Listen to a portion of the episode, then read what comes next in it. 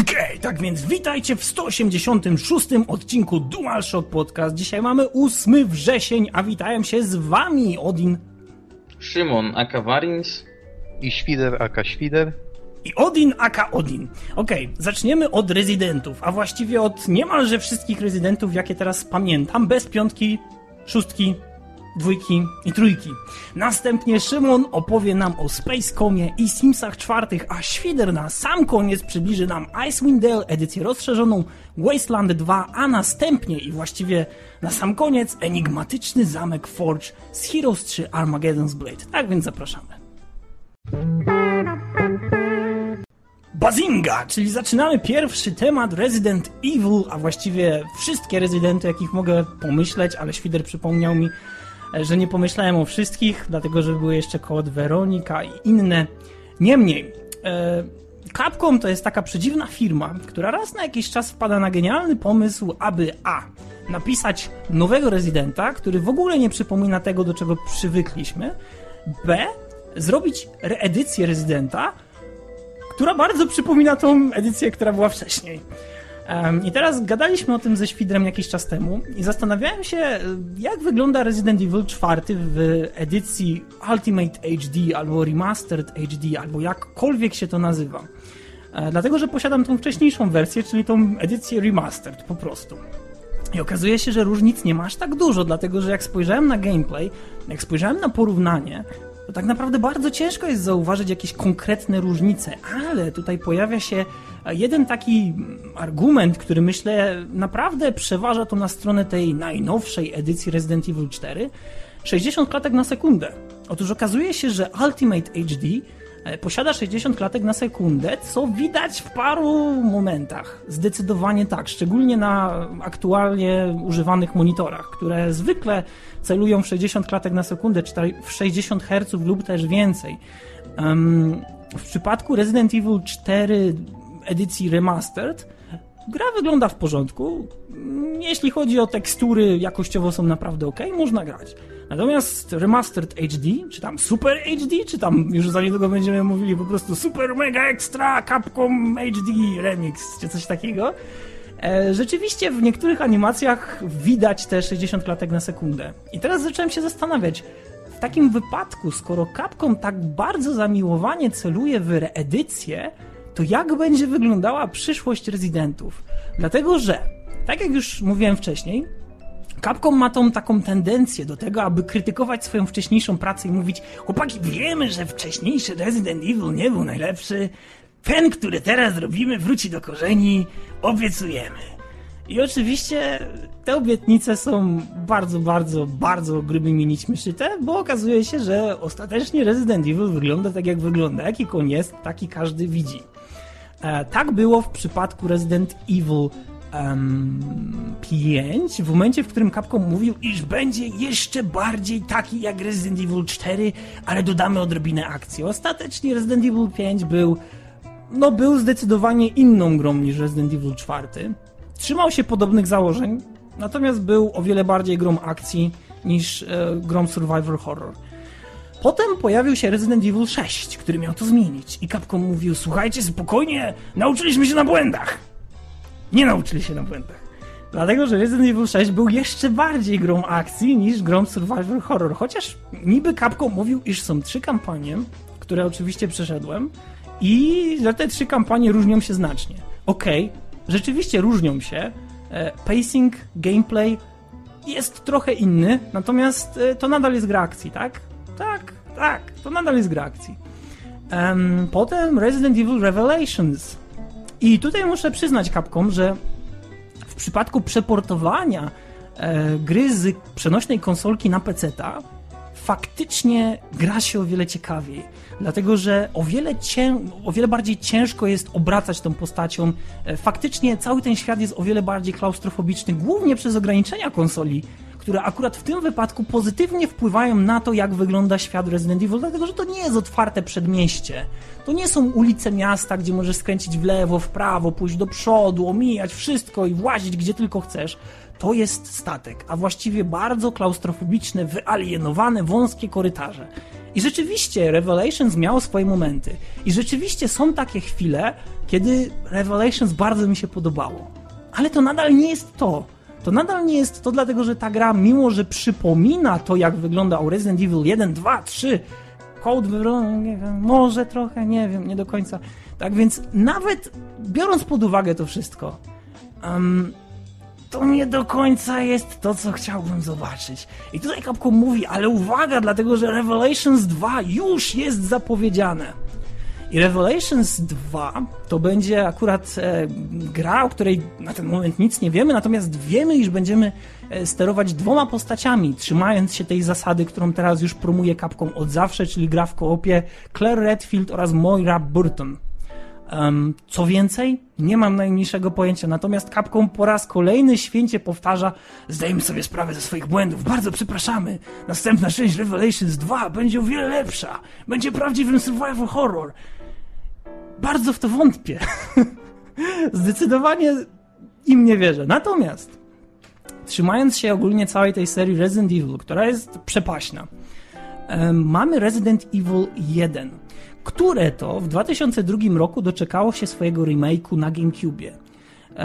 Resident Evil 1 to jest naprawdę bardzo fajna część Resident Evil, gdzie sterowaliśmy Chrisem Redfieldem oraz Jill Valentine, gdzie walka z zombiakami była naprawdę bardzo dużym wyzwaniem, gdzie bardzo rzadko opłacało się wchodzić w konfrontację, gdzie żeby wyrwać się i nie otrzymać obrażeń od zombie, trzeba było mieć takie przedmioty jednorazowego użytku, to bodaj były sztylety, ale teraz już nie pamiętam. I ogólnie rzecz biorąc, gdzie było wiele więcej zagadek logicznych, gdzie było wiele więcej kombinowania, można było wykorzystywać otoczenie, to była naprawdę bardzo fajna gra. Oczywiście sterowanie było kijowe, nie oszukujmy się, ale e, ten remake na GameCube'a wygląda cudownie, naprawdę. W podcaście wrzucimy wam e, wideo gameplay z tego, jak to wygląda. E, ta gra spokojnie może aktualnie być nazwana dobrze wyglądającym tytułem, dlatego że w większości te tła są rysowane, są wyrenderowane, one się nie starzeją. Dlatego, że do takiego poziomu właśnie teraz tej super realistyczności zmierzają wszystkie te produkcje, które są full 3D. Resident Evil wybrał akurat drogę, kiedy mieliśmy po prostu wyrenderowane tło, które zostało nałożone na siatkę. Bangla, bangla wygląda dobrze, wygląda dobrze. Tym bardziej, że mieliśmy statyczne kamery. I te statyczne kamery były o tyle fajne, że intensyfikowały poczucie tego, iż nie wiemy, co będzie za kolejnym rogiem. I nie wiem jak was, ale mnie to cholernie kręci, kiedy nie wiem, co będzie za chwilę, czy coś na mnie nie wyskoczy. Kiedy mam grę, która jest w pełnym 3D, nie jestem w stanie się to, nie jestem w stanie się w to tak wczuć, jak, jak właśnie w grach, gdzie mamy ten izometryczny rzut kamery, ale nie wiem, no właśnie Resident Evil. Chociaż postacie są w 3D. Tak czy inaczej, e, to, o czym chciałem powiedzieć, to mamy właśnie reedycję, kolejną reedycję Resident Evil, teraz tego remake'u z GameCube'a, która trafi na Xbox One, PC oraz PlayStation 4. Więc jeśli nie możecie się doczekać, jeśli chcecie bardzo rdzennie oryginalnego Resident Evil, to wystarczy tylko sięgnąć do rozszerzenia podcastu, tam jest filmik, zapoznać się z tytułem, no i oczekiwać, dlatego że za jakiś czas na pewno będzie premiera. I myślę, że każdy zwolennik Resident Evil będzie tutaj zadowolony, a nawet jeśli nie, jeśli brakuje wam gier typu survival horror, to Resident Evil, ten właśnie, ta reedycja reedycji, będzie genialnym tytułem na początek. Teraz, uwaga, dlatego że to nie koniec. W tą pierwszą reedycję na GameCube można spokojnie zagrać na PC. Jeśli wasz PC jest w stanie uci- uciągnąć, ucisnąć, uciągnąć Diablo 3, to spokojnie możecie pobrać sobie emulator gry, on się nazywał bodajże Delphin, o ile tak pamiętam, no emulator GameCube'a e, i zaopatrzyć się w odpowiednią płytę z Resident Evil remake'iem. Teraz, żeby to było wszystko zgodnie z prawem, najlepiej by było, gdybyście się udali na poltar aukcyjny i kupili sobie e, edycję na GameCube'a. E, teraz ja posiadam Resident Evil 1, ten remake na GameCube i Resident Evil 0 i Metal Gear Solid The Twin Snakes, które kupiłem bodajże każdy pojedynczy ten dysk za 20 zł. Tak więc, e, jeśli tylko spodoba Wam się gameplay, to wystarczy wyhaczyć tanio taki dysk i tak naprawdę macie mnóstwo zabawy przed sobą, dlatego że gry wydane na GameCube, mimo że z 2002 roku albo i nawet troszeczkę wcześniej, e, prezentują świetny poziom.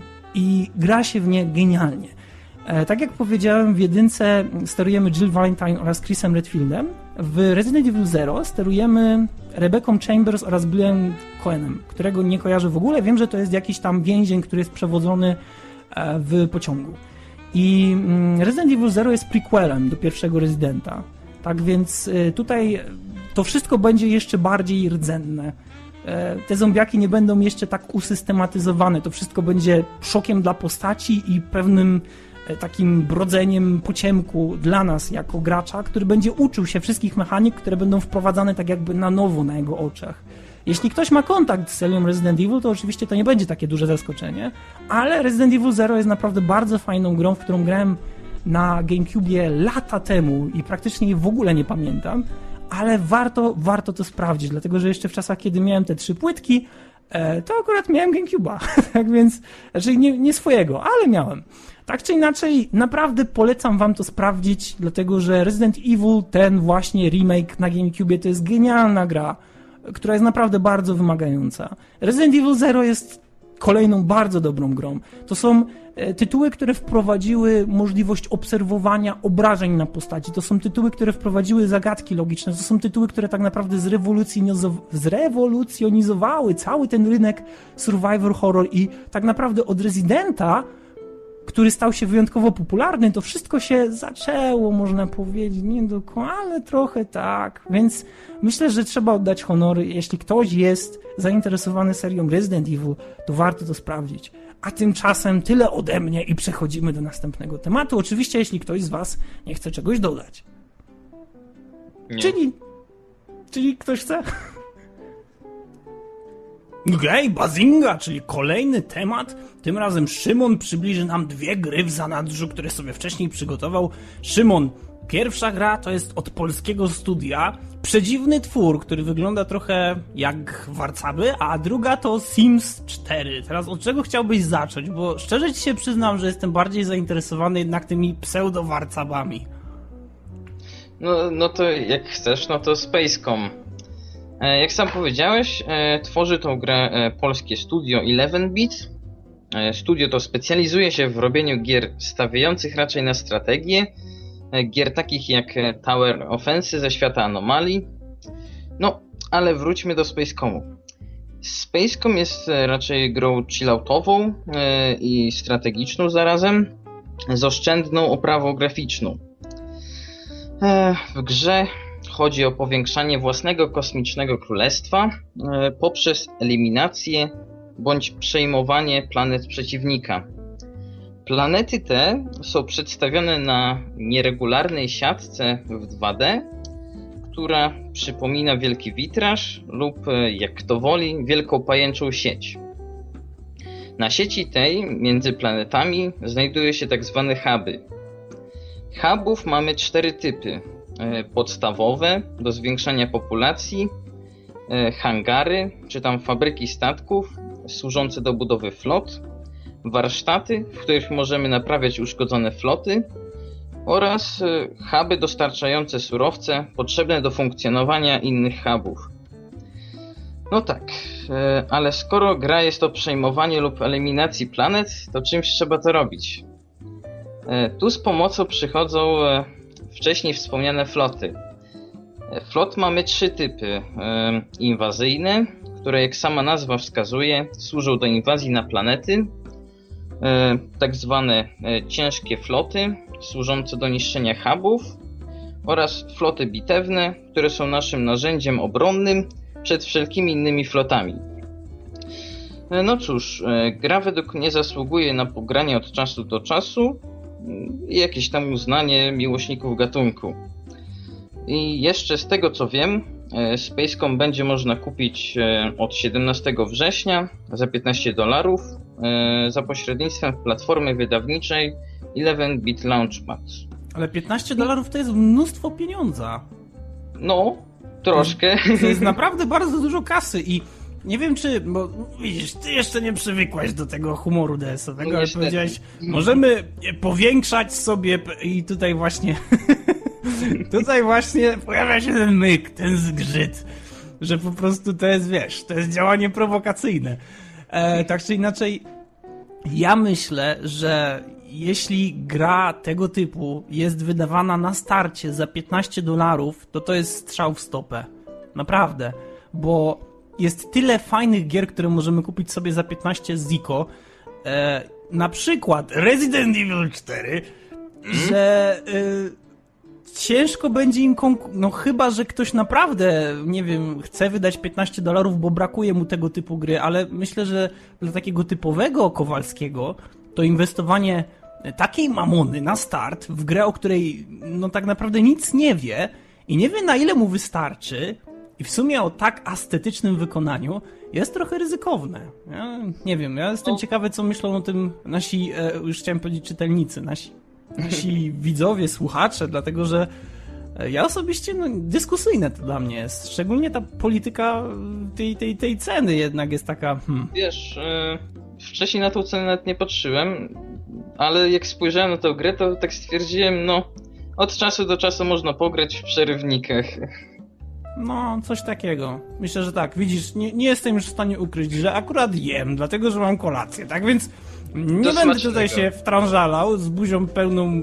Nie wiadomo, no nie będę mówił czego, nie będę wam mówił co jem, bo jem pizzę z Biedronki. Tak czy inaczej, Szymon, Simsy 4. No tak, e, Simsy 4. A może Świder, ty chcesz coś powiedzieć jeszcze o Spacecomie? Nie, po prostu... Po prostu czuję, że być może to się studiu polskiemu uda, bo jeśli anomalii zyskiwały całkiem przychylne opinie za bycie interesującymi grami i na dodatek dość oryginalnymi, bo jednak kto by oglądając Tower Defense to pomyślał, a ja chcę teraz dowodzić tą biedną masę, która i biegnie pod wieżyczki, to liczę, że i ten tytuł im się uda. Ale Na 15 nie wiem, Świder, nie wiem czy ty kojarzysz, że Anomalii było rozdawane przez jakiś czas w ogóle za darmo. I e, bodaj, że na Gogu było sprzedawane za z 2 dolary chyba. Gdzie ja jakiś czas. wtedy byłem? No Tak i więc- jakiegoś swego czasu Anomalii 2 w Biedronce było, to kupiłem. Tak, i właśnie, właśnie się. o to mi chodzi, że mieliśmy do czynienia z grą, która normalnie, znaczy na nasze polskie warunki, jak na studio polskie, miała sensowną cenę z mojego punktu widzenia. Szczególnie gdybym na przykład, nie wiem, był zaciekawiony tym tytułem i chciał sprawdzić. No to jeśli coś kosztuje 10-20 zł, spoko. Ale jeśli coś na start kosztuje 15, no nie wiem, Dolarów. dolarów jeszcze na dodatek. Nie wiem, Chris pewnie coś o tym powie, dlatego że Chris bardzo lubi grać w tego typu gry, ale ja osobiście nie wiem. E, 15 dolarów nie, nie jest jeszcze jakaś przesadzająca cena. Ile to jest? 45 zł? Tak do 50, E, 60? 48 jak tam podawali. To tyle za Valiant Hearts dałem, a jakoś wybitnie tej has- tego kapusty nie żałuję. No dobra, To to no. Simsy 4. E, gra można by powiedzieć odgrzewany kotlet po raz enty, e, czasem przyprawiany nowościami, ale w bardzo małym stopniu, e, gdzie za każdym e, odgrzaniem kotlet traci wszystkie przyprawy. E, Porównanie bardzo kulinarne, ale myślę, że trafne, e, gdyż po wypróbowaniu przeze mnie temat Twórz Sima byłem raczej zawiedziony skandalicznie małym wyborem fryzur, brud, ubrań i tym podobnych. Skandalicznie. To jest No. bardzo fajne słowo. No, Skandal! Hańba! Tak No, powinien- inaczej nie mogę określić o tym, niestety. Dokładnie. Obraziłeś moje uczucia narodowe, głupi i e, e, Ja ogólnie nie wiem, czy, czy, czy widziałeś, jakie rzeczy można robić w Simsach teraz, bo nie wiem, nie wiem, czy będziesz o tym mówił, ale teraz kariera zawodowa w Simsach czwartych, bo dzisiaj widziałem streama, może wyglądać w ten sposób, że możemy sobie wybrać, y, żeby wszyscy ludzie w całym mieście nas znienawidzili, wtedy nasza postać jest zadowolona, spełniona i dostaje bonusy. Tak Mm. więc, e, tak jak może istnieje. Ja wiem, że będziesz pewnie mówił o dodatkach, bo ja wiem do czego to zmierza, że mało na start. No. Wiesz, ja, ja już wypowiedziałem się o dodatkach, tym przybliżeniem kulinarnym. E, no tak, w sumie, ale, ale mimo wszystko też trzeba pamiętać, że Simsy pewnie będą zasrane ilością DLC i to tak dosłownie, Mm. tak, że będziemy brodzić po biodra wiadomo w czym.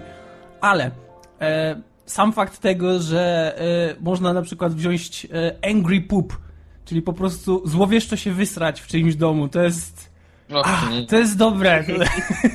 To jest naprawdę dobry pomysł, bo Cruel. mi się to podoba. E, dobra, e, chciałem jeszcze dokończyć. E, są nowości. Mm, e, został troszkę zmieniony system kreacji osobowości, ale to tak bardzo mało. E, I co jest raczej fajne, wprowadzono bardziej intuicyjny sposób modyfikacji tego SIMa, a dokładniej przez takie przeciąganie, rozciąganie, czy co tamkolwiek chce człowiek robić z SIMem. E, I zauważyłem, że to nie jest nowością, bo takie rzeczy były już w spor. Jeszcze druga rzecz, chciałbym powiedzieć o nowościach też. Ale to czekaj, to może przybliżmy ludziom o co mniej więcej chodzi, że jak mamy ciało Simsa, to w trzeciej części, w drugiej części i w pierwszej no tam gotowe schematy lub przy przeciąganie suwaków. Dokładnie, mogliśmy zmieniać jego aparycję właśnie poprzez przeciąganie suwaczka w lewo, tam bardziej, nie wiem, bardziej otyły, lepiej zbudowany, dłuższy mm. nos, wyższy podbródek, węższe oczodoły. E, a teraz możemy po prostu za coś złapać i zacząć tym bujać na lewo i na prawo. Znaczy to, to wygląda tak, masz najpierw ten normalny tryb, a mhm. masz tam przycisk, gdzie możesz y, przybliżać i część sima, którą aktualnie edytujesz. I wtedy możesz swobodnie ruszać tymi, nie wiem, tak. powiekami, ustami. Tak, tak, bo ja dzisiaj właśnie widziałem z tego streama i, i ja myślę, że tak jak nie jest to na pewno nowe, dlatego że te systemy były już używane i zresztą sam powiedziałeś, że spore, no spo, spore to jest taki koronny no, przykład esencja. w ogóle czegoś takiego, tak. E, to, e, to jest całkiem fajne, dlatego że no nie oszukujmy się, żeby stworzyć jakąś fajną postać, pardon, e, żeby stworzyć jakąś fajną postać, to trzeba było się trochę namęczyć, dlatego że no albo korzystamy już z domyślnych schematów, z domyślnych trybów tego, jak wygląda nasza mordka, no albo coś tam zaczynamy kombinować i wychodzi nam jakiś gargulec, nie? Więc całkiem fajnie, że teraz każdy może spróbować swoich sił ze zrobieniem twarzy. Ale czy to jest rzeczywiście, wiesz, czy to jest taki deal breaker? Nie, nie myślę, że nie. te, teraz sobie pomyślałem, co było, gdyby Simsy były na Kinekcie i to tak ręką przed Kinectem się macha i zmienia tą twarz. I cała ta seria tego, jak e, łapiesz za nie ten członek, który chciałeś i, i, i na przykład przesuwając lekko w lewo wszystko zaczyna latać w ogóle na, na, na takie granice w ogóle zrozumienia i, i nie wiem, i, i, fizycznych właściwości twojego telewizora, no ja, ja, ja bawiłem się Kinectem, ale to do precyzyjnych ruchów to naprawdę po bardzo powoli, tak? Bardzo powoli to... To, to tak strasznie randomowo mi teraz wpadło. Tak, tak, ale to jest właśnie ten podcast.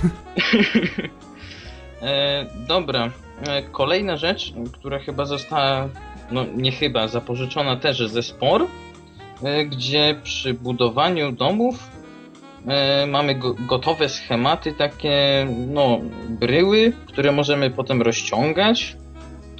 E, a też fajna rzecz, mamy już gotowe pokoje umeblowane, które też możemy rozciągać. I jedna rzecz, której mi brakowało w każdych Simsach, to automatyczne okna. Klikasz i masz wszędzie okna. Fajnie ustawione jest git. Wszędzie to znaczy gdzie? To znaczy na całej ścianie, tak? tak. Nie to no. w tych miejscach, w których chcesz, czy to się dzieje całkowicie automatycznie? Znaczy tak, co ileś tam rozstawia. Aha. Czy według jakiegoś schematu, nie wiem. Okej, okay, bo, bo ja rzeczywiście ten, ten system pokoi e, był dość mocno reklamowany na, na, na różnego typu, ty, typu trailerach, że właśnie teraz nie tworzysz ścian pojedynczo, tylko tworzysz po prostu pokoje.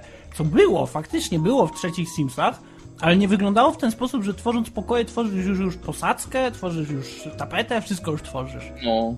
No i to jestem właśnie ja z kawałkiem pizzy tutaj jak chomik w prawym policzku, więc... E, jest jeszcze jedna rzecz. E, można zmieniać wysokość ścian. E, ścian można chyba do doboru mamy trzy wysokości, a fundamentów trochę więcej wysokości. E, z takich rzeczy, no to chyba wszystko. I mam takie dwie ciekawostki, gdzie pierwszą z nich jest e, możliwość powiększania obiektów w trybie budowy do mm, niewyobrażalnych wielkości. Robi się to za pomocą kombinacji klawiszy Shift i nawias kwadratowy, ten taki zakończający. I w ten sposób można na przykład zrobić gigantyczny klozet stojący po środku miasta na wielkiej parceli. E, drugą ciekawostką e, jest taki nietypowy sposób e, walki z piractwem twórców, gdzie to już e, podobnie e, było z Game Dev Tyconem. I twórcy zrobili coś, nie wiem, czy oni zaplodowali na torrenty własną wersję e, piracką Simsów, czy oni coś tam z połączeniem zrobili? Nie, nie, to było tak, że wersja, która została e, wydana, miała wbudowaną nie wiem, wbudowaną tą właściwość, ale gra w momencie uruchomienia wymagała rejestracji elektronicznej, która musiała się odbywać online i w momencie rejestracji elektronicznej był pobierany patch, który to momentalnie poprawił. No. I e, ogólnie chodzi o to, gdy mamy cenzurę, która zwykle tam jest w okolicach e, no, miejsc intymnych, kiedy sim się kąpie, ta cenzura przechodzi na cały ekran. I to tyle. Nie co, co sądzicie o tym? Świder, ty w ogóle nic nie mówisz. No, co ty robisz, Świder? No. no, co tu mam do sądzenia? Za bardzo za Simsami nie przypadam, więcej do powiedzenia na ten temat ma moja siostra, posiadająca drugą i trzecią część. A jak patrzyłem, Censo racji masz, mówiąc o tym, że w zasadzie Sims wyglądają tak, że jest jedna podstawowa część, milion dodatków do niej, potem druga część nie ma tych dodatków w sobie i trzeba znów je wydać i tak dalej. Problem w tym, że z każdą podstawową częścią było coraz więcej opcji, coraz więcej możliwości i coraz więcej fanów z gry. Z czwórką, jak ja czytałem opinie ludzi, jednak jest teraz w drugą stronę. Jest znacznie mniej niż, niż w części drugiej, trzeciej, a nawet i czasami pierwszej, co jest dla mnie dziwne, dlaczego decydują się właśnie w tej części zrobić krok wstecz. Ja póki co słyszałem przede wszystkim o tym, że nagle baseny znikały i jak jej miała otwierdzić, to dlatego, że ludzie lubili topić swoje simy. Dla mnie to jest taki tak. głupi powód, bo topienie sima to tam może było fajne raz czy dwa, ale potem się nudziło. Ale ogólnie oni, oni zrobili coś takiego, że e, zlikwidowali. Nie wiem, czy będziesz też o tym mówił, to może, bo, bo zlikwidowali jeszcze jedną rzecz i, i chyba chcesz o tym powiedzieć, prawda?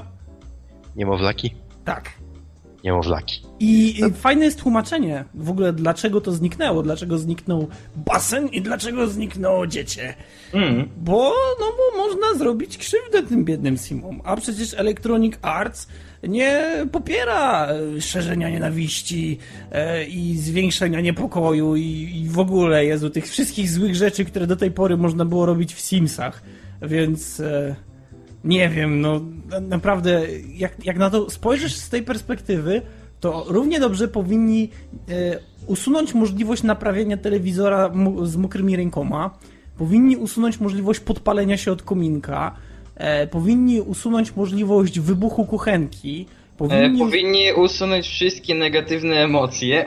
Wszystko, tak, bo... Powinni ale... usunąć współczynnik głodu. Ale to jest tak, że oni mówią, oni mówią, że to jest zrobione dlatego, że po prostu mamy 2014 rok, za niedługo już 15 i bardzo dużo ludzi teraz ma dostęp do internetu, bardzo dużo ludzi jest w stanie doświadczać tego, jak wyglądają Simsy i pewne mm, zasady walki się zmieniły.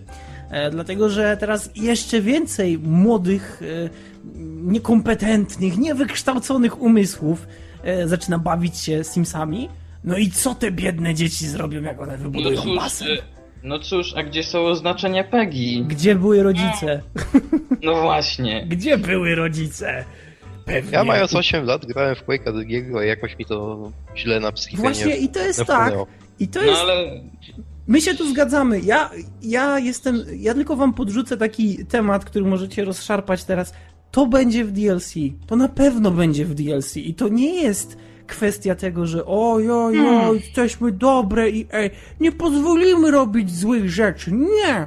To, to akurat tak nie wygląda. To jest ewidentne pole do popisu dla wszystkich tych e, kobiet, dla wszystkich tych dziewczyn, które kupując Simsy chcą wychować swoje własne dziecko i teraz będą mogły to zrobić, jeśli kupią dodatek, który pewnie będzie droższy niż same Simsy. Hehehe. No, przywykłem do tych dodatków powtarzalnych, ale tego to się nie spodziewałem. To, że wyjdzie w dodatkach jest równie pewne jak to, że na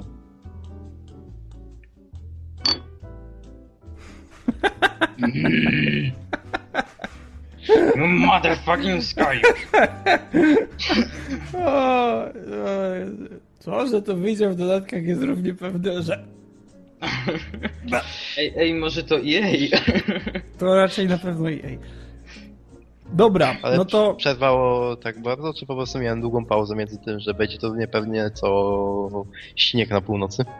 No i widzisz, i tym optymistycznym akcentem byliśmy w stanie w końcu zakończyć ten temat. Świder jak zwykle ma problemy z internetem, ale to jest wynik niecnych i złowieszczych akcji wystosunkowanych w stronę Świdra od EA, dlatego że my nie promujemy nienawiści, natomiast promujemy krytykę, no i jakoś tak się składa, że Świder tutaj powiedział za dużo i tak, tak wyszło. Tymczasem... Cenzura automatyczna. Ja się nie poddam.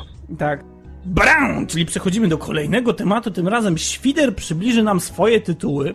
Teraz tych tytułów jest trochę więcej jak u Szymona, tak więc Świder, co przygotowałeś, co masz w zanadrzu? Więcej aż o jeden. No to co z tego? Ale statystycznie się zgadza, że jest więcej, no. Arytmetycznie nawet, przepraszam. No, u mnie pojedzie co nieco od skulem, bo te gry będą nawiązywać do tego, w co graliśmy jakieś... W sumie na dobrą sprawę to teraz 15 lat temu. Okej, zacznijmy może od Icewind Dale'a. Tytuł raczej kojarzony. Stawiany razem z Baldurem i Playscape Torment e, na... jako naprawdę wielki RPG dawnych lat, którego trzeba zagrać. Choć w sumie bardziej chodzi, chodzi w nim o walkę niż o samą fabułę. I co teraz? Firma Beamdoga znana z tego, że odświeżyła Baldury, pierwszy i drugi, ogłosiła, że weźmie się też za Icewind Dale'a. Póki co pierwszego, o drugim nic nie wiadomo. W odświeżonej wersji od razu dostaniemy dodatki, jakie wyszły do Icewind Dale'a, Heart of Winter i Trials of Luremaster. Dostajemy też parę nowych questów, parę nowych lokacji, podobnie jak w Baldurach. Również kreator postaci ma zostać rozbudowany o to wszystko, co pojawiło się w Baldurach, czyli oprócz rasy półorka, mają również pojawić się wszystkie klasy postaci prestiżowe, które pojawiły się w Baldurze, takie jak Krasnolski Obrońca, Uczeń Smoka itd., itd. I oprócz tego ciężko mi jest cokolwiek powiedzieć, bo tego co robił Beamdog, nie będę złośliwy i nie nazwę tego płatnym modem, ponieważ oni naprawdę robią te ręczne rysowane lokacje, a nie, a nie tak jak to było w modach, kiedy może były dobre, może i miały naprawdę ciekawą fabułę, jednak większość lokacji to była albo sklejanka z Arkanu, Falloutów czy innych tytułów na Infinity Engine. Ewentualnie to też były te same lokacje, co wcześniej w Baldurach, też w innym kolorze Instagrama. Problem w tym jest taki, czy Icewind Dale potrzebuje odświeżenia, bo na moje oko jedynym tytułem na Infinity Engine, który był klasykiem RPGów i potrzebował tego odświeżenia, był, był Baldur. Bo jak sobie zrobiłem przejazd po starych RPGach w liceum, to właśnie w Baldura pierwszego najgorzej mi się grało pod względem Graficznym, tak, bo, bo faktycznie Baldur był mocno archaiczny. Em, Zresztą niektóre animacje potworów w Icewind Dale też, z tego co pamiętam, e, to były tylko trzyklatkowe sprite'y, e, co, co czasami potrafiło mocno zdziwić e, w porównaniu do tego, że na przykład jakieś tam golemy e, miały te o kilka klatek animacji więcej. I ja wiem, że to może nie jest jakoś dużo dla typowego użytkownika internetu, który aktualnie teraz się tam panoszy, ale kiedyś to budziło jednak pewien taki, no nie wiem, taki, takie niedo... zdziwienie, nie, nie może nie, nie, nie, nie, że niedowierzanie, ale, ale było trochę dziwne, że mieliśmy ten dysonans w klatkach animacji, że mieliśmy postać, która na przykład miała e, animację e, stania, tego, tego, tego bycia wyprostowaną, następnie takiego lekkiego zgięcia z ręką, która była skierowana w jakąś tam konkretną stronę i potem znowu animację wyprostowania. E, ja, ja nie wiem, czy tutaj Icewind Dale wprowadza tą lepszą animację, bo akurat na pewno to byłoby, byłoby korzystne dla, dla tej gry. Nie wiem, czy wprowadzi animację, zresztą nie uważam tego, żeby to było tak niezbędnie potrzebne. Jak grałem w Baldura, to mi przeszkadzała głównie inna rzecz, czyli interfejs, ponieważ gdy wchodziłeś do ekranu ekwipunku, to gra ci się odpauzowywała, a że wtedy miałem problemy z kompem i nie miałem dźwięku, to wyglądało tak, że o, temu ustawię to, to i to. O, moja, po, moja połowa drużyny została zjedzona przez wilka. Świetnie. ale też co nieco też stwierdziłem, czy to potrzebuje odświeżenia ze względu na oprawę graficzną, bo jednak jak się przyjrzeć rysowanym tłom, Icewind Dale wygrywa na każdej długości z Baldur's Gate. To, wci- to wciąż ta grafika zachwyca, wciąż te lokacje ciężko jest wyrzucić sobie z głowy, wciąż one potrafią zachwy- zachwycić. I nie wiem, czy potrzebne byłoby ich takie odświeżanie, a nawet i na dodatek to sprawia, że Bindok ma całkiem sporą poprzeczkę, jeżeli chodzi o narysowanie własnych lokacji, które mogłyby dać tym, które już były. I zostaje też pytanie, czy jeśli nie będzie Icewind Dale'a drugiego, to czy będą jego odświeżać, bo już trochę tu będzie specyficzna sprawa, gdyż Icewind Dale drugi już działa na zasadach trzeciego DDK, a nie tak jak poprzednie ad... pewnie będzie jak z To poprzednimi. ja tutaj może dokończę, bo cię przerwało Świder. E, na, na zasadach zwykłego AD&D, tak? O to chciałeś powiedzieć. Ej, Bo ogólnie e, rozumiem, że. Bo, bo tutaj powiem ci, gdzie ci urwało. E, Icewind Dale II, trzecia edycja Advanced Dungeons and Dragons, a chodzi ci o to, że pierwsza była na drugiej edycji, tak? no na Advanced, tak. Mhm. No i, no i jak z No i znowu nam urwało Świdra. E, mści. cena, cena, cena.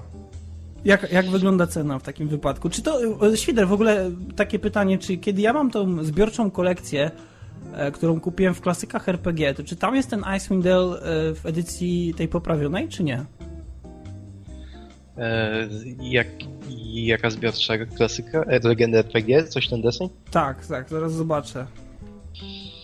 Bo jeśli tak, to ja muszę się przyznać, że jak grałem w tego Icewind Dale, to nie było, e, nie było ogólnie kupiłem to, to, tą zbiorczą edycję dla Planscape Tournament, nie będę e, nie będę tutaj ukrywał, ale jak grałem w Icewind Dale'a, to nie miałem jakoś tam, wiesz, takich ale do tej grafiki, oprócz, e, oprócz tego właśnie, że te animacje były trochę takie mm, takie mm, niezbyt. O, Nie, to jest zwykła wersja. No to nawet ta zwykła wersja była, była w porządku. Serio, O. tak? Z perspektywy osoby, która grała w nią jakieś pół roku temu. Z tego co pamiętam, to e, tutaj się mogę podpisać pod wszystkim, co powiedział Świder, że te rysowane tła były naprawdę bardzo, bardzo okej. no to chciałem jeszcze wspomnieć o cenie. Nie została powiedziana, ewentualnie nie znalazłem tej ceny, ale obstawiam, że będzie kosztowała w okolicach poprzednich Baldurów, czyli przygotujcie włosy na głowie 60 zł. Hmm. To więcej niż Spacecom.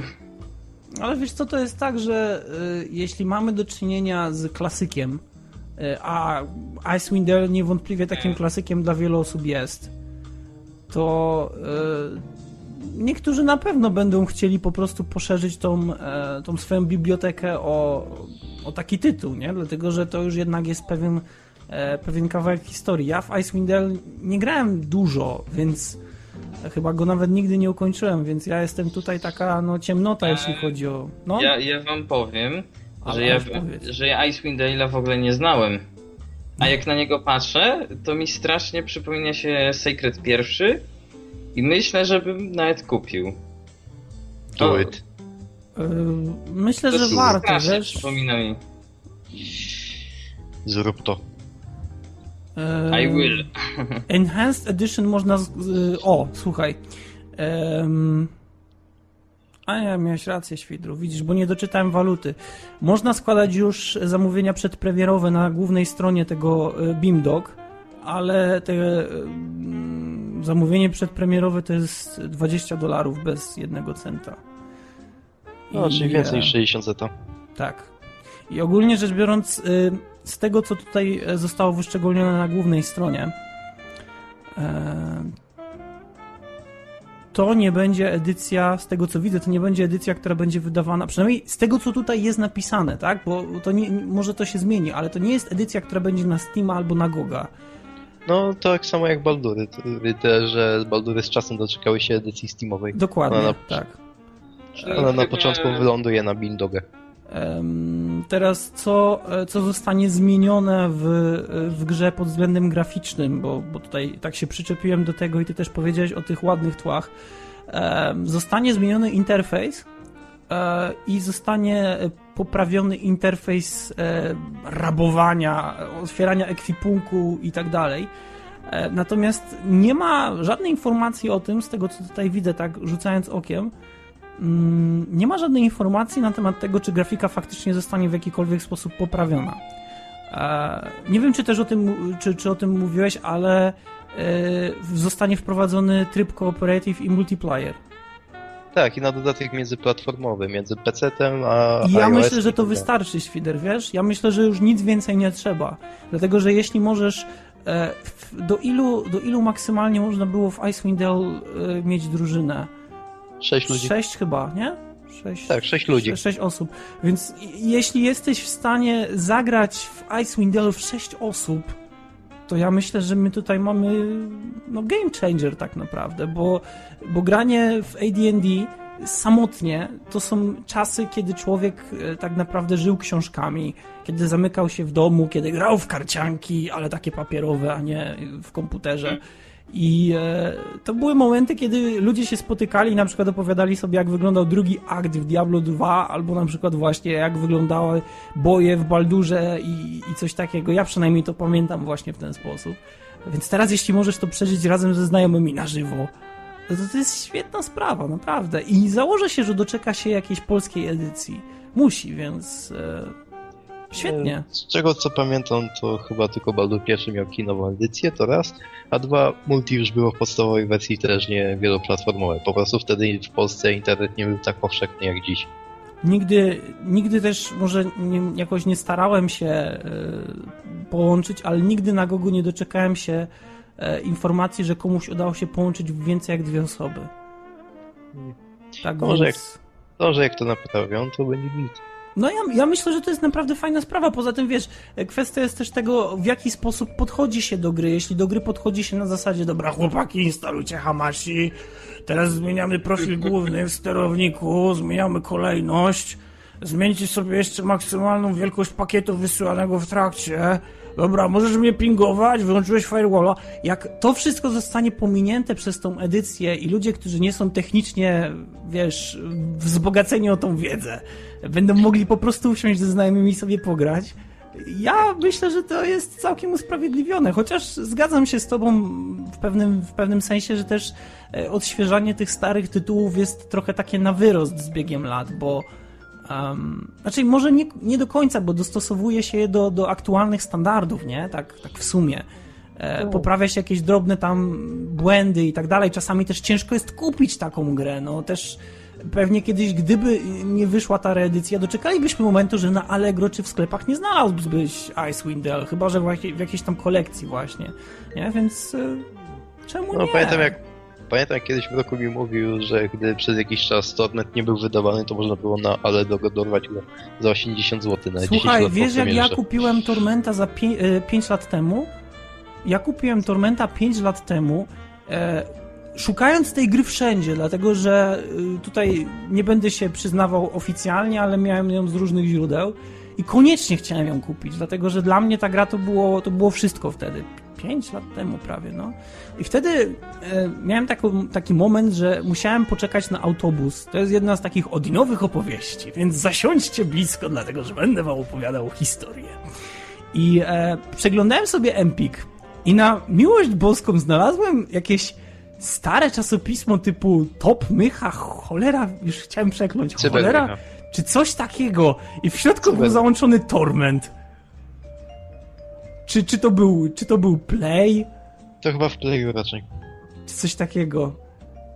I nie wiem, czy 5 lat temu. Chyba nie 5 lat temu. 2 lata temu chyba, albo 3. 3 lata temu, tak. Myślę, że strzelałbym, że w 3 lata temu i znalazłem Tormenta tam. Jezus Maria, jakie wielkie oczy w ogóle zrobiłem, bo, bo faktycznie kupno gier, słuchaj, ja na przykład y, zanim dorwałem się do y, Sanitarium, jednej z moich ulubionych gier RPG w ogóle, e, przygodowo RPG, to może to nie jest do końca RPG, to jest bardziej przygodówka, ale mimo wszystko... Ale taki horrorowy? Tak, tak, tak. Tak słyszałem. E, uwielbiam tę grę, jest genialna, w wielu aspektach naprawdę podbiła moje serce i e, zanim, zanim ją e, kupiłem na Gogu, e, kiedy była w takiej rozsądniejszej cenie, w ogóle jak już się dowiedziałem, że jest na Gogu, to się trochę uspokoiłem, ale zanim była na Gogu, zanim się dowiedziałem o tym, zanim ją kupiłem, to rozważałem zakup edycji kolekcjonerskiej na eBayu za chyba 130 dolarów, dlatego że w polskim internecie tego nie ma. Po prostu tej gry nie ma, nikt o niej nie słyszał, nikt o niej nie wie. Więc wiesz, czasami faktycznie takie reedycje wcale nie są złym pomysłem. To może przejdźmy do drugiego Tak. tematu, bo jeszcze się utopimy we wspomnieniach. Okej, czyli kolejny temat, tym razem Wasteland 2. Świder odzyskał stabilność połączenia, miejmy nadzieję, i sam jestem ciekawy, co nam przygotował o owej grze. Więc Świder, co masz do powiedzenia Wasteland 2? No, Wasteland 2 to chyba każdemu ta nazwa obiła się po uszy, bo to była gra sfinansowana przy pomocy Kickstartera i zyskała całkiem sporą kapustę na tym, że to ma być duchowy spadkobierca pierwszych dwóch Falloutów i Wastelanda. No, z tym, że oprócz tego też pojawiły się inne duchowe spadkobierce innych RPGów, takich jak Baldur's Gate, Torment czy mniej znana Ultima i również zyskały gruby hajs, ale skupmy się bardziej na Wastelandzie. Jakoś nie, jakoś nie śledziłem Wasteland- Wastelanda. Dopiero też przed chwilą dowiedziałem się, że premierę będzie miało 19 września. Ale bardziej mnie interesowało Pillars of Eternity. Z tym, że teraz zobaczyłem gameplay, na którym było przez 7 minut opisane, jak wygląda walka. I co mogę powiedzieć na temat tej walki? Pierwsze co mi się rzuciło w oczy to napis w głównym menu mówiący o tym, że czerwone buty DLC jedyne 50 dolarów. Kupię. Oprócz tego, oprócz tego jak patrzyłem, to Wasteland 2 ma do zaoferowania naprawdę wiele, wiele statystyk, więc jeżeli ktoś twierdził, że RPG polegają na tym, że mamy miliony statystyk i miliony tabelek, to będzie w siódmym niebie. Oprócz tego też są różne umiejętności naszych postaci, jak na przykład można dać, dać towarzyszowi, by mógł strzelać w łeb, dzięki czemu ma zmniejszoną szansę na trafienie, ale jak już trafi, to nie ma przebacz. Można też dać mu umiejętność rozmontowania broni, by mógł z mniej przydatnej broni wyciągnąć rzeczy, które mogą być przydatne do ważniejszych broni. I tak dalej, i tak dalej. Można sobie w ten sposób specjalizować różne postacie. Tylko coś, co mi się rzuciło w oczy najbardziej, to była opcja chirurga. Bo jest osobno medyk, który leczy zranionych towarzyszy i jest chirurg, który potrafi martwych towarzyszy przywrócić do życia. I mnie ciekawi, czy to będzie działało w każdym przypadku. Czy po prostu jak ktoś dostanie kulkę i padnie na ziemię, to będzie ok, to jeszcze przełknę. Tylko jeżeli ktoś dostanie z rakiety i będzie rozsypany po połowie planszy, a medyk przybiegnie, sklei wszystko taśmą, popryska WD-40 i żołnierz działa jak nowy, to już tego nie kupię. Ale to jest specjalna taśma. Ja ogólnie jak widziałem jak, jak ten gameplay się prezentuje, to muszę się przyznać do tego, że to jakoś nie budzi mojego zaufania. I em, ta gra jest bardzo archaiczna w tej prezentacji, jaka, jaka będzie wrzucona tutaj do podcastu. E, ta gra się właśnie reklamuje w ten sposób. O, to ma być duchowy spadkobierca jednak. duchowy. To jest, to jest bardzo ważne słowo, duchowy. Natomiast em, muszę sobie przypomnieć, jak nazywała się ta jedna gra, która miała być wielkim hitem i, i ostatecznie tym wielkim hitem nie była, dlatego że okazała się zbyt archaiczna. Em, Shadowrun? Shadowrun, dokładnie. To była gra, która miała mm, w założeniach zaprezentować nam to, jak wyglądałby Shadowrun, gdyby został przeniesiony na pecety w tym roku. Y, Czy w poprzednim. I Tak. okej, to było rzeczywiście przeniesienie na pecety, natomiast z zachowaniem zasady i, i klasycznego gameplayu z roku 97 albo nawet i wcześniej. I e, to nie działa kompletnie. I myślę, że, że jeśli, jeśli Wasteland 2 będzie prezentował się w taki sposób, znaczy jeśli będzie, on się tak prezentuje, to będzie musiał szukać jednak tego ratunku gdzie indziej, bo e, naprawdę mnie to nie przyciąga. I tak jak jestem wielkim miłośnikiem gier o, o rzucie izometrycznym i, i uwielbiam Fallouty i nawet Tacticsa, przez co pewnie jestem wytykany palcami przez niektórych. Jesteś wytykany palcami za to, że mówiłeś, że Fallout 3 jest w porządku. Taxi jest jeszcze ok. E, Fallout 3 na modach jest w porządku. Ale pamiętaj, że ja kiedyś mówiłem, że tych modów mam prawie 13 GB, tak? Więc to jest praktycznie jak Fallout 3 po instalacji zajmuje 9, to ja mam więcej modów niż sam Fallout waży, więc to chyba jednak coś mówi, tak? Że ta gra potrzebuje systemu podtrzymywania życia, który jest większy niż ona sama. No jak Skyrim. E, no, więc to jest Bethesda, tak? Ale kwestia tego Wastelanda, ja naprawdę nie potrafię się przekonać do tego, w jaki sposób to wygląda. Aż, aż zerknę na ten gameplay, który będziemy wrzucać na, um, na stronę. Dlatego, że myślę, że to jest dość istotne, żeby się z tym zapoznać. To mogę dalej kontynuować? PEGI 18, że ja będę mówił w trakcie, dlatego że to nie jest nic trudnego. Ok, więc ekran e, rozwoju postaci wygląda jak jakiś interfejs Predatora. Myślę, że mógł wyglądać zdecydowanie lepiej. Dobranie kolorów No, jak jest... ja patrzyłem, to jednak marny interfejs jest dość częstym zarzutem. Tak, ale ogólnie też dobranie kolorów jest tragiczne, dlatego że mamy e, jaskrawy pomarańcza... Poma... P, p, p, p, pomarańcza... Boże, pomarańcza, pomarańczowy, dobrze, dziękuję. E, pomarańczowy mm, na tle takiego blado-niebieskiego, e, który kompletnie do niego nie pasuje. Na tle jeszcze e, całej tej ramki, która jest w kolorach zgniłej zieleni. Do tego jeszcze przy okazji mamy ikonki jak z Fallouta pierwszego różnych broni, co owszem może się niektórym podobać bądź też nie podobać. Natomiast, e, okej, okay, przechodzimy do tego, jak wygląda gra w rzucie izometrycznym w przybliżeniu, bo widziałem, jak wyglądała e, na wcześniejszych gameplayach i ekran był trochę dalej, tak więc ktoś tutaj go przybliżył. E, gra wygląda jak Jagged Alliance Back in Action, z tym, że Jagged Alliance Back in Action kosztuje 5 zł. I jest całkiem fajną grą. Więc przejdźmy dalej, przewinmy sobie. Ok, czy chcemy zmodyfikować ten ekwip okay, rzeczywiście dużo statystyk.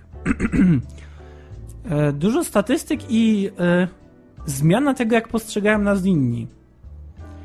Um, modyfikując sobie broń, możemy nosząc ją na widoku, e, być na przykład pomyleni z kimś, kto pała się jakąś konkretną fuchą. Więc e, ciekawa, ciekawa rzecz zdecydowanie. I ekran tworzenia postaci też, e, też jest bardzo ciekawy, fajnie wygląda, dlatego że widać, że ta postać faktycznie się zmienia na naszych oczach. Więc w sumie nie jest to takie złe. Ale jakby na to spojrzeć tak właśnie z perspektywy tego, co oferują nam gry, które wyglądają podobnie, które może nie, za, nie posiadają aż tylu rozbudowanych elementów jak Wasteland 2, no to ten Jagged Alliance e, graficznie może, nie wiem, może nie jest aż tak dobry, ale, ale mimo wszystko tą grę przypomina.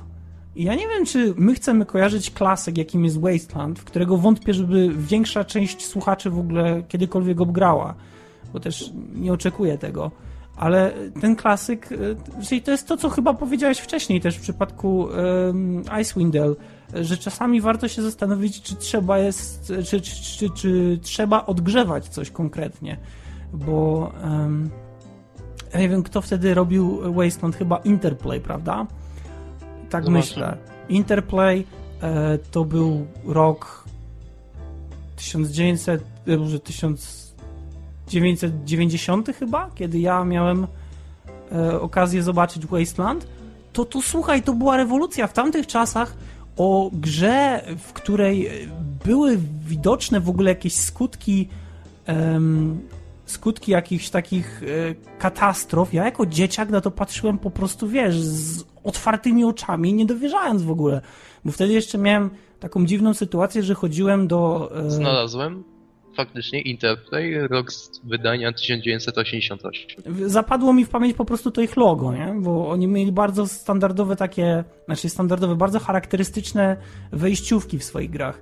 E, ja jako dziecko, wtedy siedmioletnie, chyba, to ja wtedy, jak na to patrzyłem, to dla mnie to, to była magia, bo wtedy nie rozmawiało się w ogóle otwarcie o, o jakimś postapokaliptycznym klimacie, nie? Steel Soldiers, jak widziałem kiedyś, to pamiętam, że Steel Soldiers w ogóle budził kontrowersję, dlatego że przedstawiał Amerykę w takim stanie. I ludziom się to nie podobało, oczywiście nie w Polsce, ale wiesz. Więc e, czasami się zastanawiam, jak, jak, jak będę odbierał e, grę, która, którą żyję wspomnieniami, nie?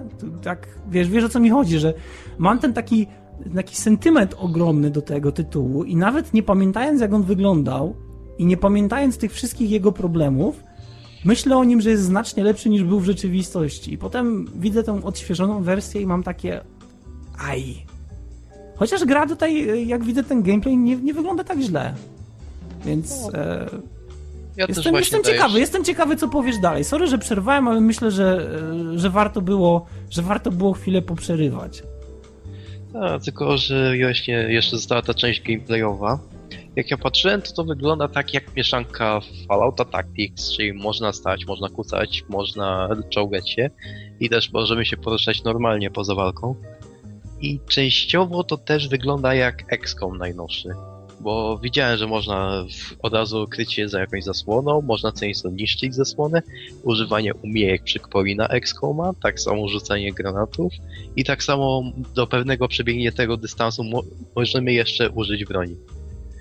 Tylko mam nadzieję, że to nie będzie powtarzało wad XCOMa, jak fakt, że w pewnym momencie to się po prostu poruszasz o 3 cm i Overwatch, bo w przeciwnym wypadku pożegna się z połową drużyny. Mam no nadzieję. to powinieneś raczej podsumować inaczej, że nie będziemy mieli sytuacji ekskomowej, w której stojąc na wprost przeciwnika dostajemy informację, że no, no niestety spudłowałeś, no. No to też, w sumie ja pamiętam też, że spudłowałem centralnie trafionym granatem, bo nie, bo nie uaktywniłem przeciwników. Nie zobaczyli mnie. Tymczasem jak ja patrzyłem, widziałem na gameplayu, to jak jeden żołnierz zaatakował robota jeszcze przed walką, to ten dopiero wtedy się uaktywni, więc może to zostanie naprawione. Porównanie do XCOMów. I mam nadzieję, że teren walk będzie ciekawszy, bo to jest też co nieco rzecz, która mnie denerwowała w XCOMie. Zazwyczaj jak walczyłem z kosmitami, to oni byli cali zabunkrowani, a ja byłem na takim marnym, płaskawym terenie. A jeżeli już był teren, na którym ja mogłem walczyć, to kosmitów nie było. Tymczasem jak tu patrzę na gameplayu, są miejsca, gdzie zarówno przeciwnik ma swoje dobre pozycje, jak i gracz może że spiąć się na swoje po pozycje, z których będzie miał przewagę i dzięki temu, że poza walką gra się dzieje w czasie rzeczywistym, to jeszcze jest w stanie odpowiednio się do tego przygotować, a nie zostanie, a nie będzie musiał chciał czekać, aż jedna postać przebiegnie przez trzy tury na odpowiednie miejsce, a do tego czasu wszyscy kosmici zginą. Albo połowa drużyny. I wczytamy grę. I jeszcze coś, co zostało wspomniane, to jak to, że na różnych typów przeciwników będziemy musieli przystosować różną broń. Na przykład gość wskazywał na to, że w wypadku robotów będzie nam potrzebny sprzęt taki bardziej przeciwpancerny, ale jak już walczyliśmy z ludźmi, to była normalniejsza broń w użyciu. Zatem pod względem gameplayowym mi się to podoba. Nie wiem jak to wygląda pod względem fabularnym, oprócz tego, że jesteśmy członkiem paramilitarnej organizacji Rangersów i próbujemy przywrócić porządek na pustkowiu. W sumie to samo też sugerowało in intro, że Rangersi są jedyni normalnymi na tym padole. Reszta to kanibale, mordercy, złodzieje i wszystko to, co najgorsze w ludzkości.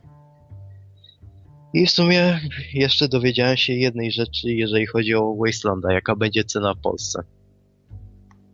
Wastelanda drugiego wydaje Cenega. Jak wspomniałem, Wasteland 2 będzie miał premierę 19 września i cena to będzie 150 zł. Mm. Ale Wewnętrznie. wiesz co, muszę ci powiedzieć, że nawet biorąc pod uwagę tą cenę, bo to jest zwykle to jest taki, taki, taki, taka sytuacja z odgrzewanymi właśnie tytułami, czyli z odgrzewanymi z reedycjami, e, czy właściwie, no można to tak nazwać, tak? Chociaż zdaję sobie sprawę, że to jest po prostu druga część gry. To one, one zwykle mają taką cenę na samym początku. Zwykle chodzi właśnie o to, żeby jakiś tak, jakoś tak nadrobić ten cały proces produkcyjny i też fakt tego, że po prostu e, no, ci pracownicy muszą, muszą zarobić, studio muszą, musi zarobić, no bo chce się utrzymać i, i tak dalej. Ale ogólnie rzecz biorąc, e, miałem mieszane uczucia co do tego, a powiem szczerze, że oglądając ten gameplay jednak mnie to mocno zaciekawiło. Nie jestem, znaczy nie do końca, to nie jest tak, że już w tym momencie jestem pewien, że, że, że, że ta gra będzie świetna. Ale warto zerknąć okiem. Tak, ale, ale na pewno jest interesująca i to jest chyba, to jest chyba istotne, bo em, tak, tak myślę, że, że, że teraz jest tak, że ciężko jest znaleźć konkretnie jakiś tytuł na rynku, który tak na pierwszy rzut oka po prostu cię przyciągnie, nie? Jest wiele gier, które po prostu tak przelatują gdzieś z boku i ty mówisz sobie, okej, pamiętam o tobie, ale potem jakoś tak zapominamy o tym i gdzieś tak, e, nie wiem, na kilka miesięcy przed sobie nagle przypominasz, czy czytasz o tym i mówisz, a właśnie, było coś takiego. A teraz e, no w sumie, szczerze, naprawdę wygląda to, wygląda to w porządku i widzę już, że są pierwsze recenzje Wasteland 2. E, tak więc tak więc jestem ciekawy, jak, jak to wygląda. Mam tutaj, znalazłem jedną recenzję. Bo ja E, póki co też słyszałem opinię beta testerów. Każdy, kto rzucił pieniędzmi w Wastelanda drugiego mógł okazję beta testować. Mhm. Jak ja patrzyłem, o ile na początku było dużo narzekania, że tu jest błąd, to tak nie działa, to tak nie powinno, to jednak twórcy brali to pod uwagę i z patcha na patch poprawiali to, na co ludzie w większości narzekali. No to. To, te, mm, to też jest plus, bo jednak tego się nie widzi obecnie zbyt często w patch Heroes 6. Hmm. Patrz Fallout. Yy... Albo Resident. ale ten, ale, ale powiem ci, że widzę tutaj na przykład walkę. Nie wiem, czy to jest e, pełna wersja gry, czy to jest e, rzeczywiście beta tester, który po prostu nagrywa grę, którą otrzymał do beta testów, ale powiem ci, że nie dość, że mamy tutaj coś takiego jak inicjatywę, mamy tutaj coś takiego jak punkty akcji, mamy coś takiego jak e, szczęście, e, zajmowanie jakichś tam em, pozycji takich strategicznych, przemieszczanie się, ekran ekwipunku w momencie, w którym podnosi e, jedna z postaci ekwipunek na jakiejś martwej personie, to możesz ją od razu przenieść już do e, ekwipunku pozostałych towarzyszy, których masz w składzie, co jest akurat myślę bardzo wygodne.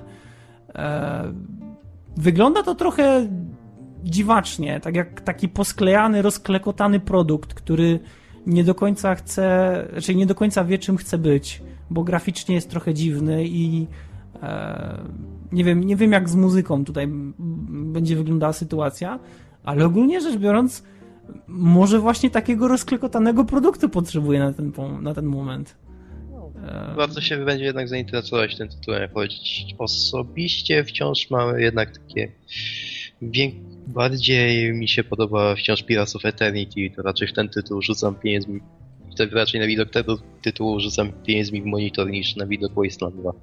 Ale ja w nic nie rzucam, to jest dobre, to jest dobra nauczka na, na w ogóle na przyszłość, żeby nigdy nie ulegać hype'owi jakoś specjalnie w internecie, chyba, że to był Far Cry 3, który mi się bardzo podobał i na którym się nie zawiodłem. He, he, he. Gry Obsidiana raczej nie zawodzą pod względem fabularnym, co najwyżej pod względem technicznym, jak Alpha Protocol. Mhm. I niedopieszczony jest The Sequels. Dobra, no to Szymon. No, ja o tym nie mam nic do powiedzenia, jakoś Ty Fanem jesteś takich takie cza, czarcie, jestem. czarcie dziecko w tym związku teraz tutaj No. po prostu. Jak możesz o Wasteland nic nie powiedzieć? Ogólnie kręcą cię klimaty postapokaliptyczne? e, nie za bardzo. O, ty... No dobra, no Idź trudno. na prawą. Tak, prawą. Tak czy inaczej, co? Myślę, że optymistycznym akcentem zakończamy e, tego DS-a. Znaczy tego DS-a, przepraszam, ten temat, dlatego że pozostał jeszcze ostatni temat. Tutaj bym prawie zapomniał. Więc przejdźmy do ostatniego tematu, którym jest... Forge miasto, które miało się pojawić Heroes Armageddon's Blade, ale zostało usunięte. Dlaczego? Czym było? I czy to był dobry pomysł? I na mo- moment mamy przerwę, co? Muszę co nieco opłynąć. I muszę co nieco też zadbać o swoje słowa, bo Odin kradniesz mi tematy. Na dobrą sprawę więcej o Wasteland 2 powiedziałeś niż ja w ogóle miałem za chciałem powiedzieć. Mm, A ja tak robię. To, to jest Odin. No, to bardziej ja muszę się zająć sobą i swoimi materiałami niż Odinem. I muszę też pociągnąć za łańcuch Odina. Ty, wyszczekałeś się. Znaczy, no ja, ja, ja czekam na Forge, ja nic nie mówię, ja nic nie wiem o tym. Okej, to zatem czym na dobrą sprawę miało być Forge? Forge, jak wspomniałem, miało być, do, miało być nowym zamkiem wprowadzonym w Heroes 3 Armageddon's Blade. Z tym, że jakiś czas przed premierą ogłoszono, że tego miasta jednak nie będzie i na jego miejsce powstanie Wrota Żywiołów. Jak wyglądają Wrota Żywiołów wszyscy wiemy. Co mamy do powiedzenia na temat Wrót Żywiołów? Raczej niewiele dobrego. Nieprawdaż? Odi? E, O, tak, tak, tak, tak, tak. Akurat mam telefon, przepraszam. Ale tak, e, wrota żywiołów są paskudne, wyglądają gejowsko i pedalsko, potwierdzam, PS potwierdzone info, to prawda. Większy problem był raczej mały balans tego miasta i fakt, że zostało zrobione na kolanie. I w sumie, w sumie to też zostało ocenięto powiedziane tydzień temu i dziś chcę bardziej poruszyć dlaczego. Otóż, czym miało być Forge Town? Uwaga, uwaga. To miał być zamek science fiction w świecie Heroesów. Czy to jest pomysł, który wziął się znikąd? Nie. Otóż oprócz Heroes of Might and Magic istniała też seria RPGów Might and Magic. Co nieco, I co nieco bardziej, bardziej poznawaliśmy tam świat, w którym działy się również i Heroesy. Jak się okazało, to nie był stricte fantazy świat, że nagle coś się wszystko wzięło i wszyscy będą do końca świata kwić średniowiecznej technologii, licząc prochu strzelniczego. To był średniowieczny świat na ruinach sci-fiowego uniwersum, kiedy była rasa starożytnych, która miała, miała naprawdę zaawansowaną technologię, umożliwiającą podróże międzyplanetarne, międzygwiezdne i zostali najechani przez Kregan. Tych samych, którzy stanowią większość w zamku Inferno. Tak, Kreganie to kosmici, nie demony. Ale Might and Magic mogliśmy od czasu do czasu natknąć się na ślady tej starożytnej technologii, mogliśmy spotkać gobliny z laserami, mogliśmy też spotkać blastery, albo nawet i, i zaginione statki kosmiczne. I Forge Town miało nawiązać do tego, do co by, działo się w Might and Magic 7, kiedy to znaleziono większe części sta technologii starożytnych i obozy ludzi, ludzi, którzy to znaleźli, rozbili się na dobrych i na tych złych.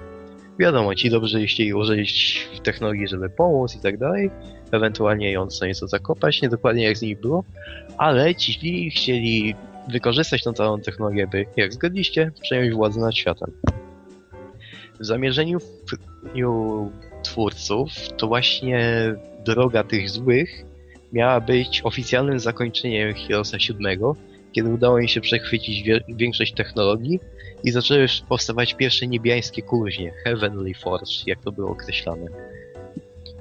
Jak ludzie po raz pierwszy usłysz, zobaczyli, jak to wygląda, jak zobaczyli wszystkie, wszystkie te fabryki, kultowe jednostki Heroesów z jakimiś takimi dziwnymi przedmiotami, był goblin z laserem, był, cyborg, był zombie z mechanicznymi częściami, co go czyniło zombie cyborgiem, była naga, która zamiast tej wężowej dolnej części swojego ciała miała gąsienice czołgowe. To się załapali za głowy w większości, bo fani Might and Magic wiedzieli, że to kiedyś, kiedyś pewnie by musiało nastąpić, ale ludzie, którzy mieli do czynienia tylko z herosa, heroesami, a ich była zdecydowana większość i uważali, że to był raczej świat stricte fantazy, to się złapali za głowy i zaczęli obsypywać Fridio mailami. Fridio powiedziało, że doszło sporo maili. Były maile życzliwie proso- proszące o usunięcie zamku. Były maile, których grożono w paskudny sposób pracownikom, czasami nawet śmiercią. Ustalili, że tych mail, że niezadowolone było jakieś 5% fanów, ale dla dobra gry nie mogli zignorować tych 5%. W efekcie czego Forge został usunięty, plany wprowadzenia tego zamku zostały uznane jako kiedyś wprowadzimy, a na jego miejsce zostały wprowadzone wrota żywiołów. Jak raczej ktoś śledził historię Heroesów, ten zamek raczej już nigdy oficjalnie się nie pojawi, bo wraz z upadkiem Fridio stare uniwersum zostało zamknięte, a od Heroesa V mamy nowe uniwersum, które jest magiczne, magicznie magiczne uniwersum zrodzonego z magii, gdzie dominującą rzeczą jest magia i, i, się, i nigdy niczego ludzie nie, wy, i nigdy ludzie nie wynajdą w nim prochu strzelniczego, ani żadnych laserów, ani innych takich bajerów. Tylko jak ja patrzę na ten zamek, potencjał był. Ja z chęcią bym zobaczył, jak sci-fi mieszałoby się, się z fantazy. Z chęcią bym zobaczył właśnie te wszystkie laserowe zabawki Hirosa. Problem w tym, jak wykonane to zostało.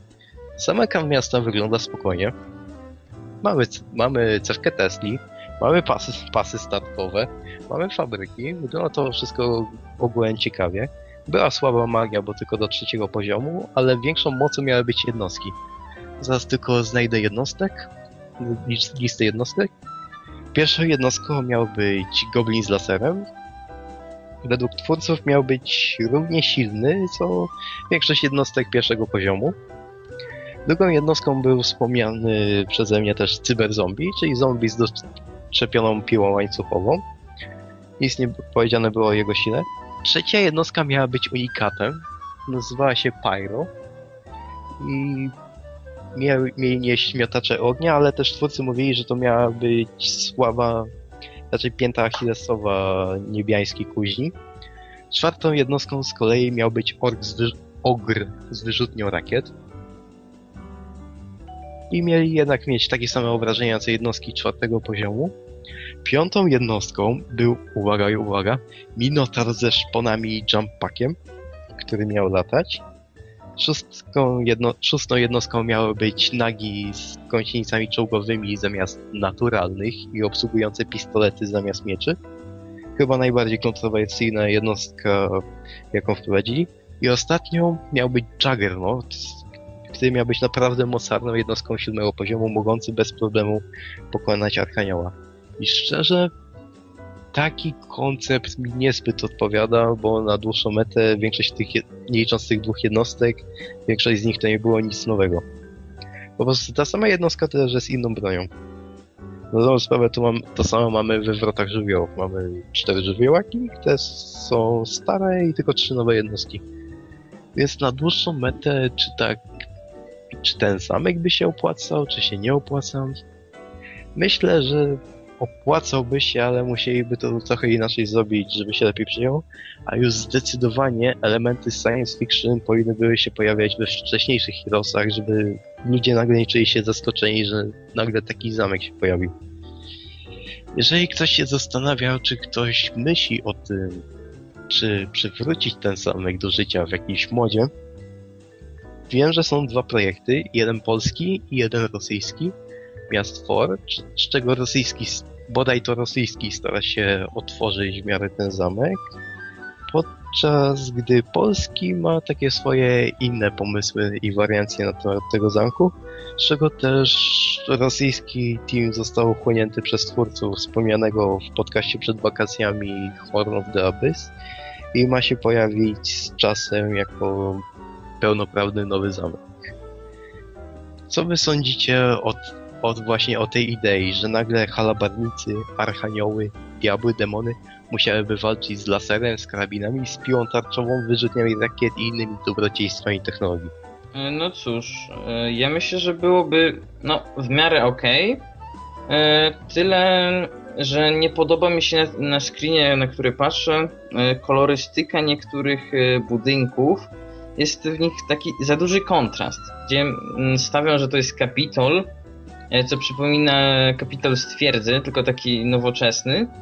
E, na nim widać to takie światło i od razu ciemno.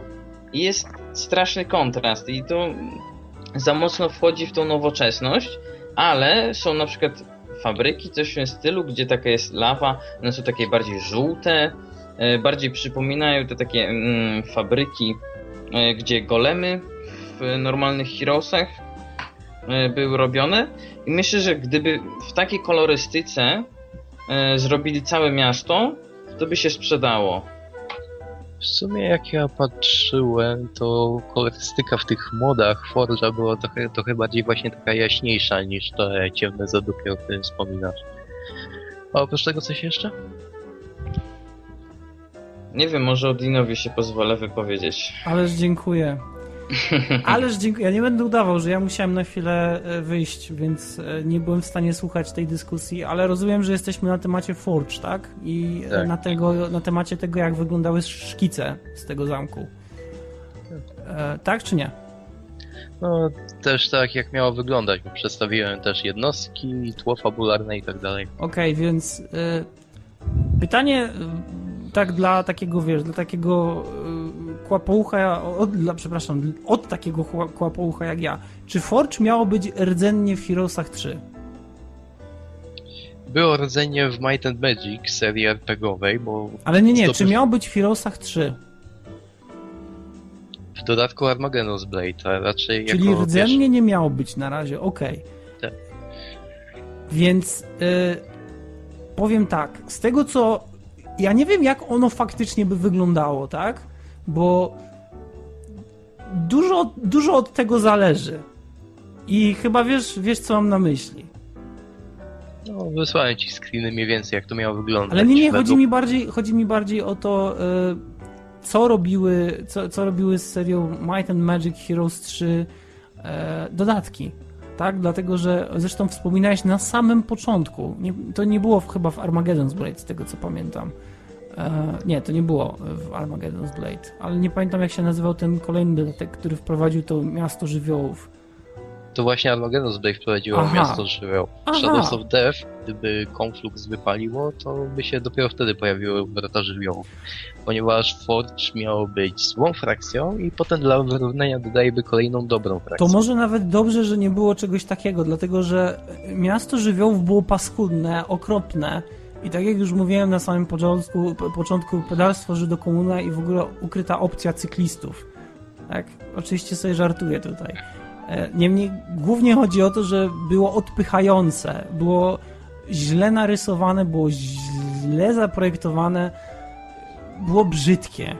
I nawet jeśli pominiemy kompletnie problemy z balansem tego zamku, który nie, które niewątpliwie były, tak? Dlatego, że e, tam chyba na najwyższym poziomie były Feniksy, które były strasznie mocną jednostką w porównaniu do pozostałych. Nie były mocne, jedyne co je wyróżniło na tle innych to niezwykła szybkość oraz matrycstanie. No, ale właśnie Większym problemem była ich ilość. to, właśnie o to chodzi, tak? To, to, to biorę pod uwagę całokształt. Fakt tego, e, iż, iż chyba ja... One chyba były najszybszą jednostką w grze, Mówiłem. nie? No wiem, były. Aha, były, okej.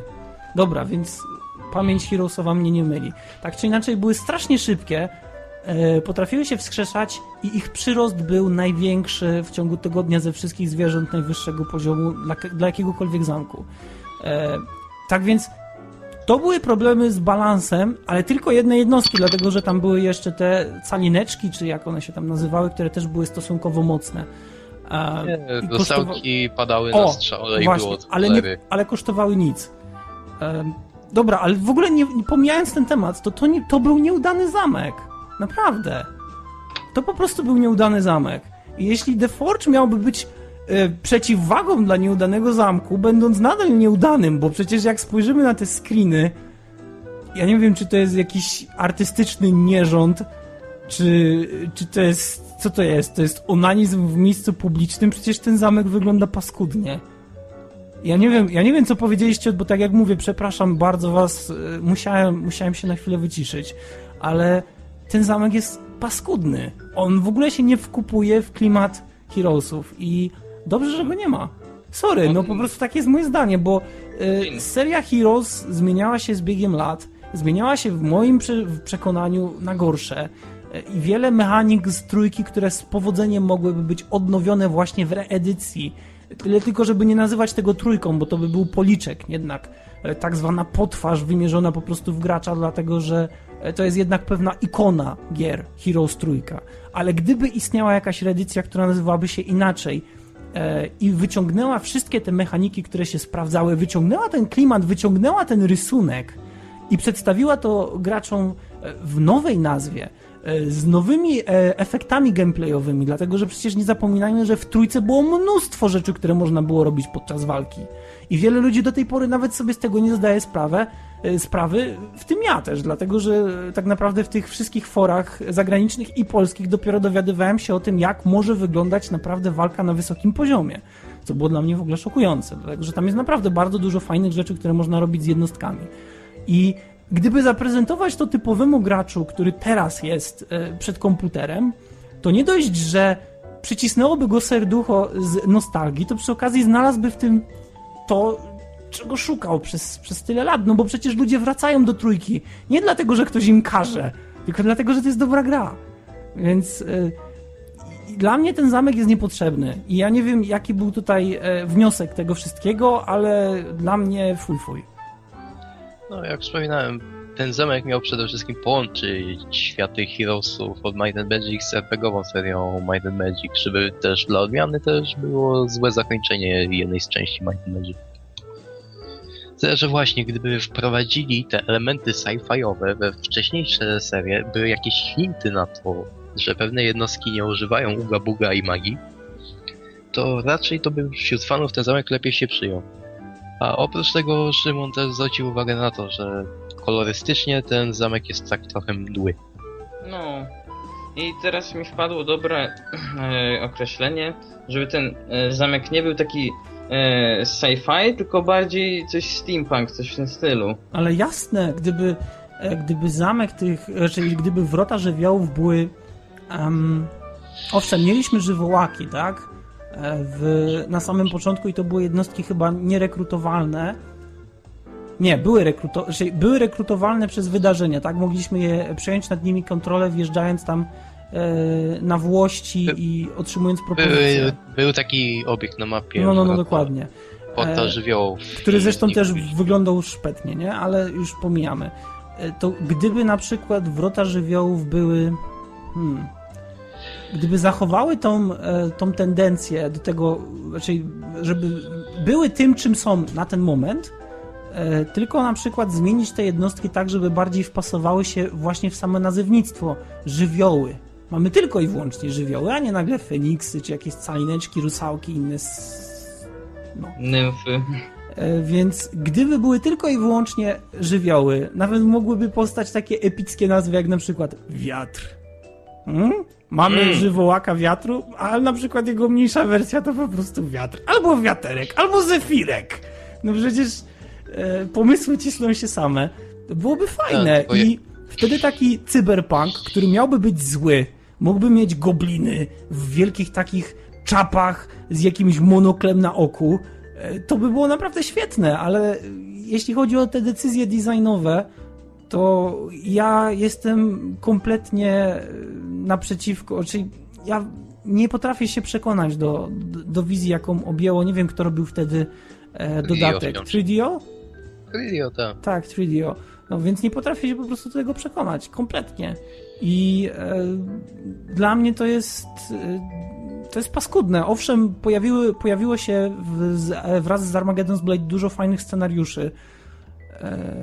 Pięć, chyba pięć scenariuszy pięć kampanii chyba. No, no, no. Scenariuszy no, tak. było trochę więcej. E, aha, sorry, bo mi się tak, pięć kampanii, no. E, więc pojawiło się pięć kampanii, Komar proszę odejść, e, pojawiły się nowe artefakty.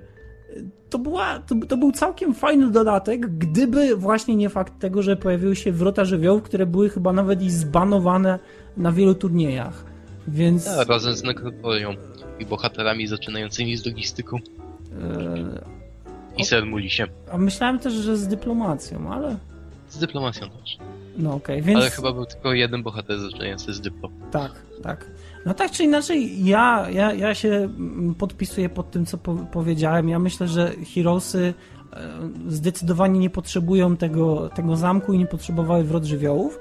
Natomiast myślę, że sam fakt w ogóle wymienienia tego i sięgnięcia e, lepką łapą w tło historyczne tej gry E, były jak najbardziej w porządku, dlatego że warto jest pamiętać o tym, że były plany, nie? Były plany, był potential, nie wyszło. No, ja też wspominałem, że raczej mi to, jak zabili te jednostki, nie odpowiada. Raczej z tego, że to była większość jednostek tych samych, też z nowymi rzeczami. Od Goblin z laserem, Minotaur z jumpackiem, Naga z gąsienicami czołgowymi i tak dalej. Tak, Jezu, ona była paskudna. Były gdzieś w ogóle sprite, animacje tej nagi, o, o, o, czym właśnie powiedziałeś. Była po prostu ohydna. Nie wiem, czy widziałeś ten, nie wiem, czy wspominałeś o tym zamku, który zrobili Rosjanie. E, ta przystań. Tak? Ona się tak nazywała, czy coś takiego? Pira- No, Piracki. od Horror Tak. Abyss? A, przecież o tym mówiłem w modzie Horror of the Abyss. No, a czyli mówiłeś tutaj w tym nagraniu dzisiaj? Nie, Aha. mówiłem przed wakacjami. Okej, Exactly. więc, no, więc y, jeśli ktoś jest ciekawy, jeśli akurat zaczął nas teraz słuchać, to e, warto jest zobaczyć, jak prezentuje się ten zamek. E, dlatego, że tam naprawdę widać po pierwsze i kunszt graficzny, po drugie i rozwagę, co jest bardzo istotne w projektowaniu zamku, e, i po trzecie w miarę. Znaczy, nie jestem pewien, bo, bo, bo nie grałem dużo w Horn of the Abyss, ale pewien balans tych, tych jednostek, więc. Nie są jakieś tak specjalnie przesadzone, to nie Ale wyglądają świetnie. To jest, to jest naprawdę. O, Powiem ci, że wyglądają tak, jakby były żywcem zaplanowane w tej grze. I, I pasują, i w ogóle bardzo mi, się, bardzo mi się podoba to, jak zamek wygląda, bo zamek też jest fajnie zrobiony na tej mapie, więc e, tutaj mogę im przybić piątkę. E, tylko w sumie przez to. Tylko uwaga, ci sami Rosjanie, bo nie wiem czy słyszeliście o nim, też chłonęli rosyjski team, który właśnie pracował nad przywróceniem Forge'a. A, mam nadzieję, że wchłonęli i zabili. Nie, no no ja to... mam nadzieję, że oni to ogarną i jakoś to, tą kolorystykę zrobią i też te jednostki jakoś. Tak. no, to, okej. w, to w sumie mogliśmy powiedzieć, że to był raczej paskudny zamek, ale czy wiele straciliśmy na tym, że nie było, było w Heroesach elementów sci-fiowych? Nie. W sumie to już raczej z winy Fidio, że nigdy elementy sci-fiowe w Heroesach, w Heroes of Might and Magic się nie pojawiły. Czy w trójce, czy w dwójce, czy w jedynce. Jakby się to dało lekko przemycić, to czemu nie? Ale raczej możemy odetchnąć z ulgą, że czegoś takiego nie było i w ten sposób kończymy temat Forge'a. I w sumie też i podcast, nie? Jo. Tak więc żegnamy się z wami wszystkimi i dziękujemy wam za e, przycupnięcie na kamieniu Jej. 186 odcinka. Jezu, już po prostu tonący w brzytwie się chwyta. E, przycupnięcie na kamieniu 186 odcinka DualShock Podcast. Dziękujemy wam za wspólnie odbytą podróż i oczywiście zapraszamy na kolejny odcinek, gdzie nie będę jadł pizzy i odbierał telefonów w trakcie nagrania. E, I co? I po prostu żegnamy się z wami z tej strony. Mówią wam na razie Odin. Szymon, I świder i ogłaszam przy tym, że idę zamordować moje łącze. Bardzo dobrze. Okej, trzymajcie się na razie. Hej.